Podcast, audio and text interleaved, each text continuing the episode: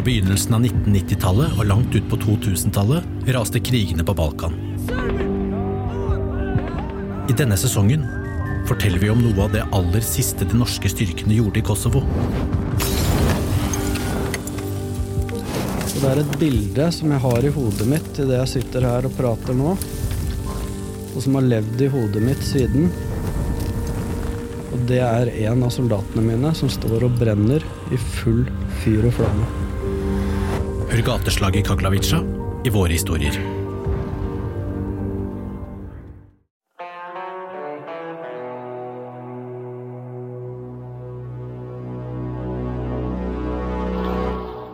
Å havne i krig er noe av det siste mennesker ønsker, soldater inkludert.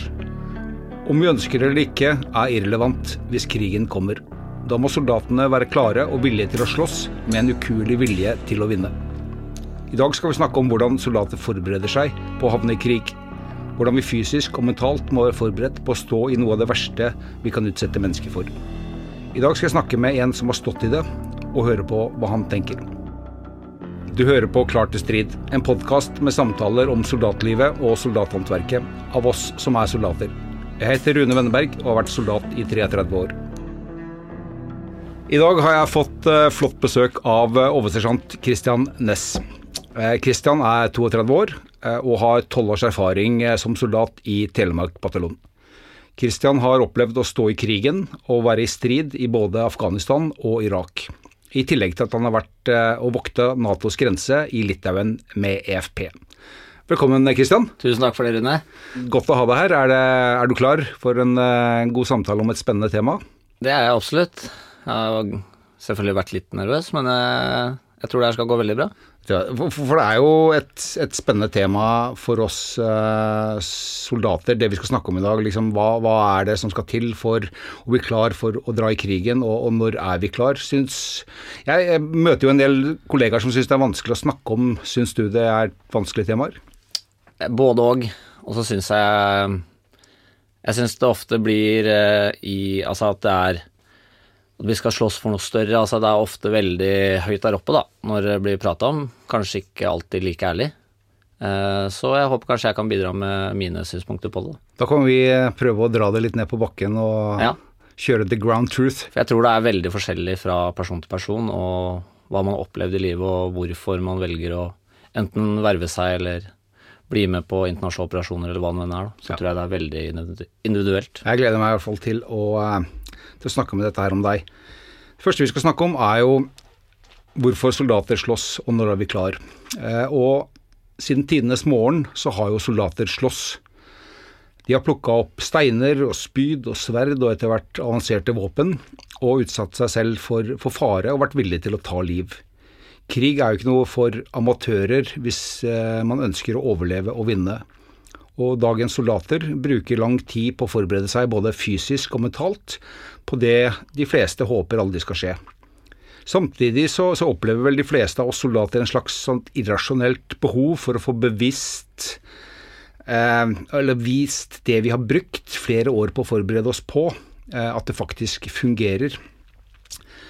Eh, og alle soldater, sikkert siden tidenes morgen, har vel stilt seg de samme spørsmålene eh, og kjent på den samme tvilen første gang. Altså, vil jeg fungere?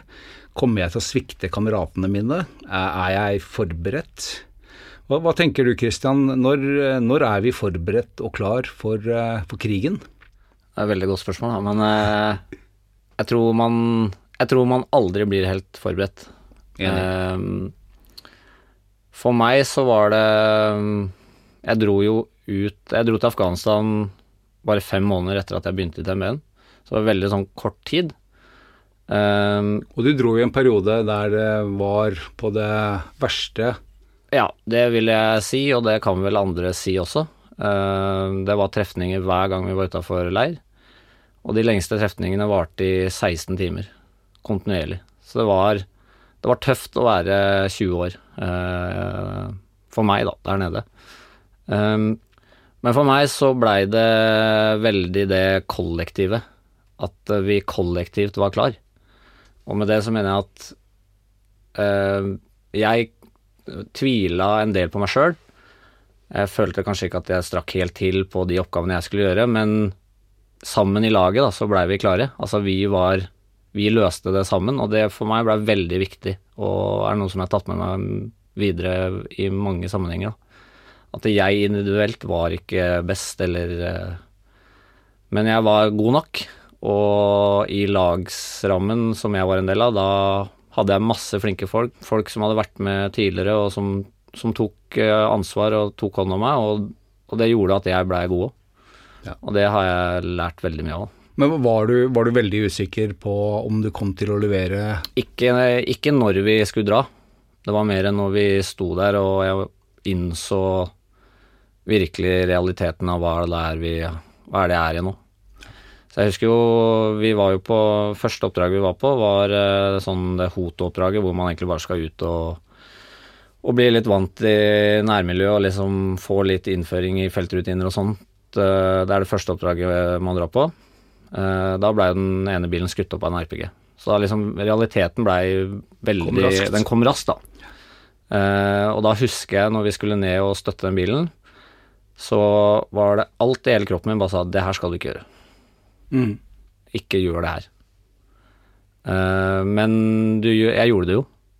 Og det uh, i ettertid, da, så det er jo lett å si det nå, men det blei fordi at vi sammen gjorde det. Mm. Jeg hadde jo ikke gått ned her aleine. Det, det hadde jeg faktisk ikke gjort. Men vi gjorde det sammen. Vi gjorde det som den troppen vi var. Og det var det kollektivet som gjorde at vi dro ned, da. For min del. Ja. Eh, og det har sittet veldig sterkt i meg etterpå. Da. Og, og nå peker du jo på noe av det som jeg tror mange av oss har erfart, og som vi også kan lese opp gjennom, gjennom krigshistorien. Altså, hvorfor gjør vi dette her? Eh, hvorfor gjør man det motsatte av det kroppen sier at man har lyst til å gjøre? Hva, hva, hva opplever du? Hvorfor, hvorfor slåss du? Jeg tror mange sier, og man hører i media, og det er skrevet masse om, altså man gjør det jo for kameraten ved siden av eller makkeren, da. Og det er jo riktig i så måte, men Men når eh, Når du er redd, da, så er det Du tenker på deg selv. Mm. Det tror jeg er viktig å huske på, at det er, det er, du blir individualist når du er redd. Eh, jeg tror mange kan si at når de ikke har vært redd, så ja, jeg skal ta vare på han til høyre eller venstre for meg. Men når du er pissredd, så, så er det deg sjøl du tenker på, da. Men allikevel så har den derre kulturen om at vi er sammen, at vi er, eh, vi er et fellesskap, vi løser ting som eh, ingen andre gjør, det blei veldig sterkt, da. Som gjorde at da klarte jeg å fokusere på de oppgavene jeg skulle, uavhengig om jeg var dritredd. Merka du om redselen var konstant etter hvert som du fikk mer erfaring, eller eh, ble den mindre? Jeg har jo erfart i ettertid, altså Når det er ting er veldig nært, så er det klart at da sitter redselen ganske lenge i. Um, men eh, jo mer, mer jeg følte på det, jo tryggere ble jeg på følelsen. At jeg kunne leve med det å være redd, da. Uh, og det var jo mange tilfeller hvor hvor situasjonen tilsa at man skulle være jævlig redd, hvor jeg ikke var redd. Så altså, man lærte jo mens man gikk, da, i hvert fall for min del. Men så har jeg også tatt med meg det i seinere misjoner også, hvor ting kanskje var mer eh, Hvor man ikke hadde like stor kontroll, sånn som i Irak, hvor det var en ekstrem lufttrussel ovenifra. Hvor den eh, redselfrykten ikke har vært så til stede, da. Og det er, handler jo om erfaring, og at man faktisk har lært av de tinga underveis, da. Ja. Men jeg har fortsatt tatt med meg det at at hvis det nå smeller, så er det oss. Altså da må vi sammen løse det. Syns du vi soldater under operasjoner er flinke nok og ærlige nok til å fortelle hvordan vi egentlig har det? Vi har jo rutiner på både teknisk og emosjonell debrief, og vi forsøker å skape de arenaene der folk skal kunne dele ikke bare de tekniske opplevelsene, men også hva, hva skjedde med meg mens dette pågikk. Jeg tror jo Jeg skal ikke uttale meg om vi er gode eller dårlige på det, men jeg tror det er jævlig viktig at vi tar vare på den arenaen. For det var også første gang eh, Altså, jeg hadde det jo litt når vi drev trening hjemme i Norge, men det var jo den, etter det første oppdraget, når den bilen var skutt opp, og vi kom inn og skulle Og vi faktisk tok oss tid til å snakke gjennom hva vi følte. Og i hvert fall før så var, det ganske knallhardt at eh, du skal si det du mener. Mm. Og selv om jeg ikke hadde lyst, så blir du litt sånn Utfordrer på det? eh, Det er en ordre, så det er bare å iverksette.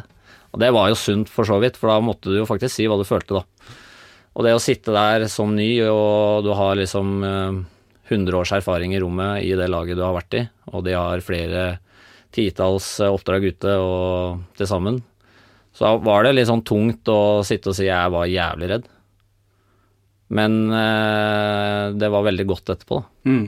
Og det skapte jo ikke minst en trygghet hos meg, men en forståelse i laget. Og greit, hos de mest erfarne lagsmedlemmene, så greit, her eh, da vet vi hva vi må tenke på neste gang, eller Kristian trenger litt mer oppfølging innenfor det og det. Og, og jeg tror det er kjempeviktig, fordi at normalt i en sånn soldatkultur så, så blir det fort litt for, for macho. Eh, og, og det å faktisk trene på å tørre å snakke om følelsene våre og hvordan vi har det, som en sånn ventil for å kunne ta vare på oss selv. Eh, det, de rutinene må settes, og vi må trene på det. Jeg vet ikke hva du, er, hva du Jeg er, mener? helt, jeg er helt enig, og, og man kan jo bare tenke seg når Hvis man ikke gjør det, da, så lærer man jo heller ikke noe av det. Og jeg tror mange, meg sjøl inkludert, har vært i situasjoner hvor man ikke har turt å stille spørsmålstegn ved hva var det jeg følte nå, hvorfor følte jeg det jeg gjorde, i jobbsammenheng eller i profesjonell sammenheng, eller også kanskje kjæresterelasjon eller hva det enn er, da. Så er det masse man kan hente ut ifra det her. Eh, Så jeg tror det er helt avgjørende at man i hvert fall tør å stille spørsmålstegn ved, det. Amen. Hvordan går det med deg i dag? Veldig bra. Eh, har det egentlig veldig bra. og- Krigen plager deg ikke? Nei, den gjør ikke det. det er, den gjør ikke det, altså. Um, skal jeg si at jeg har vært heldig, og det, det tror jeg blir feil å si, for jeg tror flesteparten har ekstremt gode ehm, erfaringer med det å være ute, selv om man har stått i tøffe situasjoner. Jeg tror man har lært ekstremt mye av det. Så finnes det mennesker som har, eh, som har fått vonde opplevelser, da. Men det er jo ikke dems feil. Det er bare sånn vi er skrudd sammen. At uh, for noen så går det bra, noen går det dårlig. Og så må man bare huske å, å ta med seg de gode tinga, og også de dårlige tinga med seg videre. Eh, men jeg har uh, kommet veldig godt ut av det, og brukt mye av de tinga jeg har lært seinere. Det er godt. Jeg snakka i innledningen om at vi, vi soldater har et sånt irrasjonelt ønske om å få lov å teste ut det vi har trent på. Altså Som kan bli oppfatta utenfor at, at man ønsker å havne i kamp.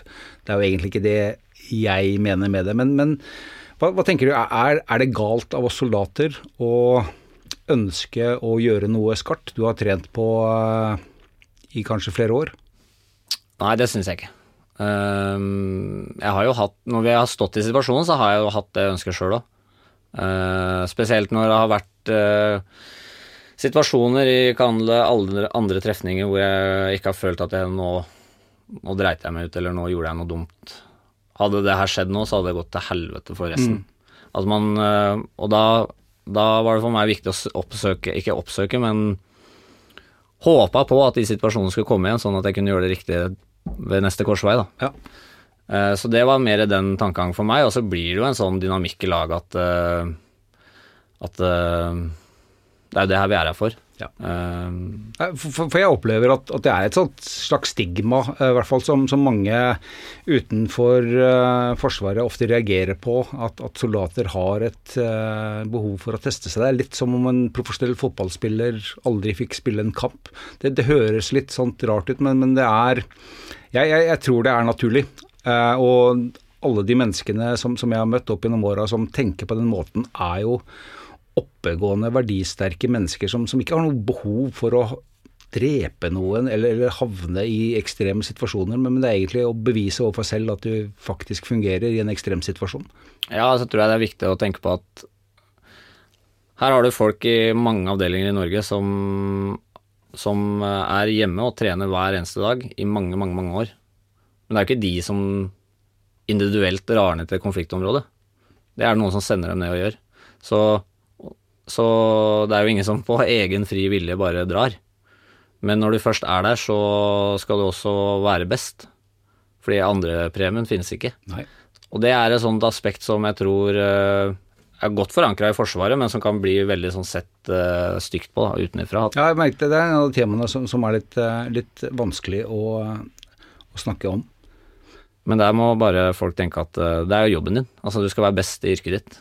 Eh, og det har en bakside, da. Og som du sier, det er eh, ingen sølvmedaljer eh, utdelt i krig. Det er ikke det, altså. Det er ulike grunner til at uh, mange velger å bli profesjonell uh, soldat, uh, herunder med risiko for å havne i en krigssituasjon. Hva var, hva var din motivasjon, og hva er motivasjonen du opplever at kollegaene dine har? Ja. Jeg tror Altså, det er mange forskjellige aspekter. Eh, for min del så Jeg begynte jo i førstegangstjenesten i Ja, det var vel i 2010, hvis jeg ikke tar feil. I andre bataljon. Eh, og litt før det så mista jeg faren min. Veldig tidlig, og det ble et sånn kjempe ja, avgjørende punkt i livet mitt. Hvor eh, det var masse drikking, og det var mye rart som skjedde. Og så blei jeg kalt inn til førstegangstjenesten, og så fikk jeg en sånn kjempetilhørighet i, i det, da. Og så blei det egentlig gjennomgående i hele I hvert fall de fire første åra, hvor det blei en sånn Jeg følte meg tilhørig et sted, altså jeg følte at jeg var en del av noe. Og det blei veldig viktig for meg, da.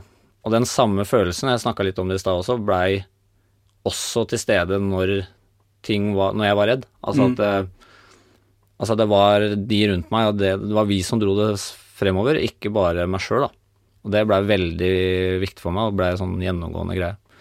Men altså, selvfølgelig, det er jo folk som, som har appellert til det at det er, det er noe nytt, det er noe spennende. Det er, selvfølgelig følte jeg på det, jeg òg, men Var det mye eventyrlyst? Ja, det var jo det, men det var mer det at nå skal troppen ut, Ja. og du er en del av den. Som i idretten så ligger jo eh, nøkkelen til å lykkes i strid i forberedelsene, både de fysiske og mentale. Eh, Jeg lærte på befalsskolen shit in, shit out. eh, Og sannsynligheten for å vinne og kunne klare å løse oppdrag og overleve øker jo desto mer innsatt og lagt ned i, i forberedelsene dine. Det vi gjør, eller eventuelt ikke gjør, i daglig tjeneste hver dag i, i fredelige Norge. Hva, hva tenker du, Kristian, er viktig og nøkkelen i, i det å være best mulig forberedt? Det er jo et ordtak som er sånn eh, Jeg vet ikke om ordtaket er sånn, men eh, i hvert fall sånn jeg har lært det, så er det Du skal alltid være best selv om ingen ser på. Ja. Og det, i hvert fall når jeg var ute første gang, så var det det å liksom se på de som har vært med utallige ganger før. At de også gjør de tinga som er dritt, og de tinga som eh, som ingen andre vil gjøre. Det gjør de også. Og For, for soldatlivet er jo ikke bare glamorøst. Nei, det er ikke det. Tvert imot. Eh, og så blir jo det litt sånn der uh, preaching to the choir, men det er, det er faktisk sannhet i det at eh, det er i forberedelsene det ligger, da. Uh, alt fra KTS på kjøretøya, det å sørge for at du har med nok vannflasker, det at det er li, li, riktig olje på motoren, alle sånne småting da, bidrar til at uh, avdelinga er klar når den faktisk skal ut. At man har pussa våpenet, at det er eh, riktig ammunisjon i de magasinene man har med seg, og alle disse tinga. At man har studert plan, at man har riktig kart. Alle sånne ting bidrar til at man er klar til å løse det. Og så er det sånn, ja, alle vet det, men det er de fortsatt de, det er de tinga som gjelder i dag òg, da. Og det ga meg en kjempetrygghet når man kanskje ikke følte alltid at man Ja, man var jo ikke best, for man hadde jobba svært liten tid, men, men da hadde i hvert fall jeg bidratt med mitt. At jeg, jeg var i hvert fall forberedt innafor det jeg kunne være forberedt på. Og, og det tror jeg var med å løse, løse det på en god måte. Det at du visste at du skulle ut i strid, eh, egentlig ganske god tid forveien, hva tror du at du hadde lagt like mye effort i å bli god og trene og ta forberedelsen seriøst hvis det var mer usikkerhet knytta til det? Er et godt, godt spørsmål. Så har jeg jo lyst til å si jeg tror jeg hadde tatt det like seriøst, men jeg, jeg tror nok jeg tror, man, jeg tror ikke man gjør det, da. Um, men jeg husker jo veldig godt når vi var hjemme, at uh, de mentale forberedelsene var like viktige. Selv om jeg hadde ikke noe sånn stort Jeg hadde ikke akkurat et sånn stort spekter som jeg kunne tenke meg til hva som ville møtte meg, men jeg husker jeg tenkte mye på det å At jeg kan dø. Mm. Eller at, eh, at jeg kan miste et bein, eller Og prøvde, selv om det kan høres veldig sånn rart ut, så prøvde jeg å finne ro med at det kunne skje, da. Akseptere det, liksom? Ja, på en måte. Og, så, og samme gjorde jeg når jeg var der nede, når man var i veldig sånn hårete situasjoner. Eh, og når man kom hjem på brakka og liksom skulle prøve å finne roen, så måtte jeg tenke en del på det, da. At neste gang kan det hende at jeg dør. Mm. Um, og det husker jeg det var flere også, og det blei jo litt sånn galgenhumor i det. At, uh, at ja ja, men uh, gjør vi det, så er det i hvert fall over. Så Ja. altså, det blei jo en sånn dynamikk som også bidro til at, uh, at det gikk bra, men det at man har vært innom de aspektene både mentalt, i hvert fall hjemme, det Og jeg veit ikke om det var riktig metode for å få det til, men i hvert fall at jeg gjorde det, det tror jeg var veldig lurt, altså. Mm. Um, og man har jo prøvd lignende i, i sånn organisatorisk i avdelinger og sånn, liksom ha sånn mental trening i store aulaer og sånne ting, men jeg, jeg, der tror jeg vi har en veldig lang vei å gå, da. Fordi etter Afghanistan så ble det liksom ble lite fokus på det. Og jeg tror ikke det er så mye fokus på det i dag heller. Jeg har ikke vært med på det i stor spekter i dag, men det at man, at man tar litt tak i det der, det tror jeg er kjempeviktig. Hvis jeg hadde gitt deg en eh, tidsmaskin her nå, eh, og kunne hoppe tilbake eh, til å snakke med deg selv som, som 20-åring, eh, hvilke råd ville du gitt deg sjøl i forhold til forberedelsene du, du skulle gjøre for å reise ut første gang? Det er jo gjort det samme en gang til? Man, når man kommer hjem helskinna, så tenker man jo at jeg var sikkert jævla flink. Og så tror jeg det er sikkert mange som hører på nå, som tenker din forbanna idiot. Kanskje det å tørre å prøve enda mer. Mm. Det å ikke være så redd for at uh, det kan være feil, eller det skal Det skal bli oppfatta feil, eller at, uh, at jeg skal få kjeft. Det, ja, ja, kanskje det. Tørre å prøve enda mer, da. Det å lære av feil eh, tidligere. Det, det er litt interessant at du sier det, Dette er en sånn gjenganger som veldig mange av de du har snakka med, sier akkurat det samme. Så jeg, jeg tror definitivt at du er på, på litt av kjernen. Min erfaring er at norske soldater utmerker seg godt i strid. De er effektive, med et eh, mentalt overskudd som får oss til å gjøre det som er riktig.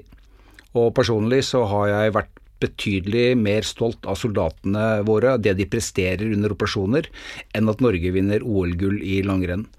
Hva er eh, din opplevelse, Kristian? Hvilke utslag på stridsfeltet mener du den formen for seleksjon, trening, kultur og lederskap som vi utsetter soldatene våre for?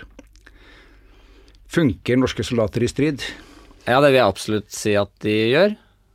Eh, Det blei mer eh, Kall tydelig for meg eh, jeg, siste turen jeg var ut, når jeg var i Irak i 2019. For jeg har alle hørt, og vi sier jo alle at vi er jo verdens beste soldater. Og så blir det litt sånn flåsete, og det mener jo alle i hele verden at de er. Og så er Norge et lite land, og Men jeg tror faktisk at vi er eh, verdens beste soldater. Og det handler med at eh, man, i hvert fall den siste turen jeg var ute, så uh, jobba vi veldig tett med amerikanere. Mye USMC, en del eh, spesialstyrker. Og det, det inntrykket man får, da, er jo at, at de har lyst til å lære av oss. Uh, og så blir man litt sånn Ja, men dere er jo liksom Vi har sett dere på film og Men altså, vi har en helt annen tilnærming til det å være soldat. Altså, vi har Sånn som du sier, Rune, altså vi har, vi har faktisk tenkende individ, da. Som tør å mene ting. Som har sunn fornuft. Som tar egne vurderinger. Selv om de vurderingene er eh, der og da, så er det fortsatt en uh, vurdering bak det han gjør.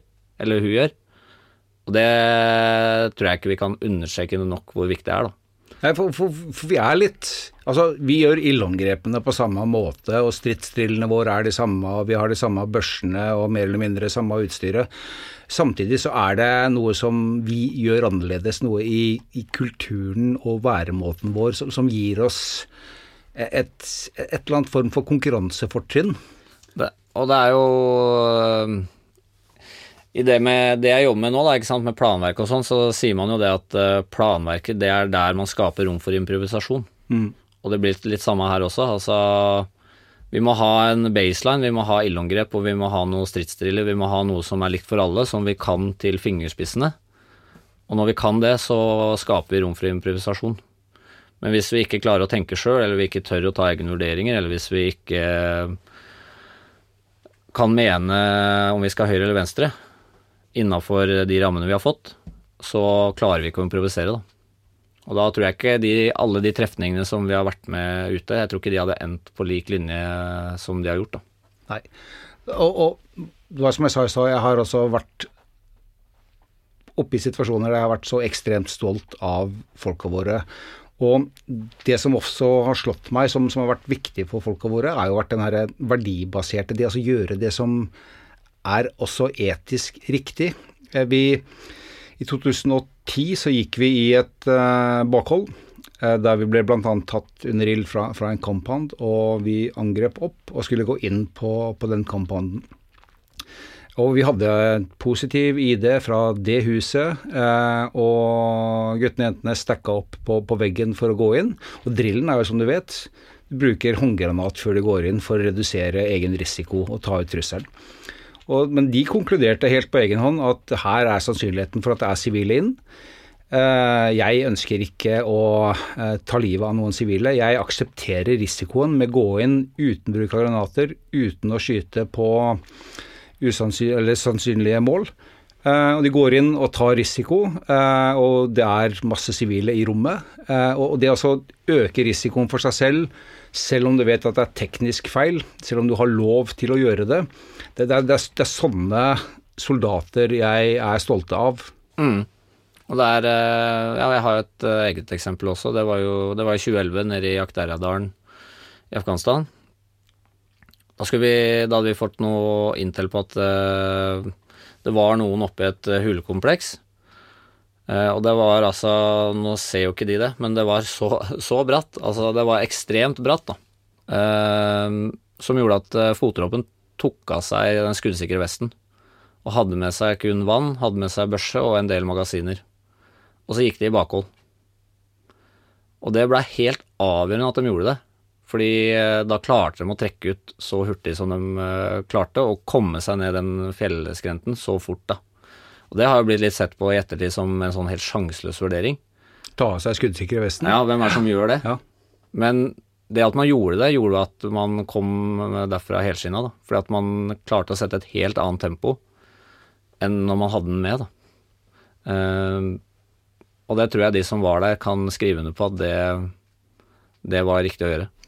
Annerledestenkning, tørre å ta initiativ, stå i beslutningene dine. Det, det, er i hvert fall kjennetegn sånn som, eh, sånn som jeg mm. ser folka våre. Da nærmer vi oss uh, slutten, Kristian. Det har vært uh, veldig interessant. Jeg stiller det samme spørsmålet til deg som jeg stiller til alle. Hvilke råd har du til uh, unge soldater som ønsker å bli god? Jeg tror Jeg skulle ønske at jeg gjorde det mer sjøl. Men jeg tror hvis jeg hadde turt å vise mine svake sider eh, tidligere, og hvis jeg hadde turt å prøvd mer Det å tørre å prøve mer, det har jeg prøvd å leve etter i seinere tid. Altså det å Du blir ikke bedre hvis du ikke tør. Og kjeft er gratis. Har jeg på en måte hatt litt sånn uh, motto sjøl, da. I hvert fall uh, de siste fem åra. Uh, og det, det, har gitt meg masse. Det at jeg er ikke redd for å tråkke feil, da. Mm. Uh, fordi at jeg lærer masse av det. Uh, jeg tør å ta litt plass. Det tror jeg folk skal gjøre enda mer. Selvfølgelig innafor de rammene man er gitt. Men hvis vi ikke tør å prøve i fredstid, så klarer vi det ikke i krigstid. Så vi må på en måte lære av de feila vi gjør underveis. og være ærlig om det du er dårlig på. Fordi da er det noen som kan hjelpe deg, og det er noen som kan det du er dårlig på. Og da blir det et bra team. Det blir det. Takk skal du ha, Kristian, for, eh, for, eh, noen veldig relevante og gode råd. Har det vært greit? Det har vært eh, Ja, jeg vil si det. Det, har vært, det var jo hyggelig å se deg igjen, Rune. Takk det samme. Siden. Så det var bra, det her. Det var en uh, interessant samtale, og, og, jeg har også uh, lært mye i dag. Takk for at du delte, Kristian, og takk for at du var her. Tusen takk for at jeg fikk komme.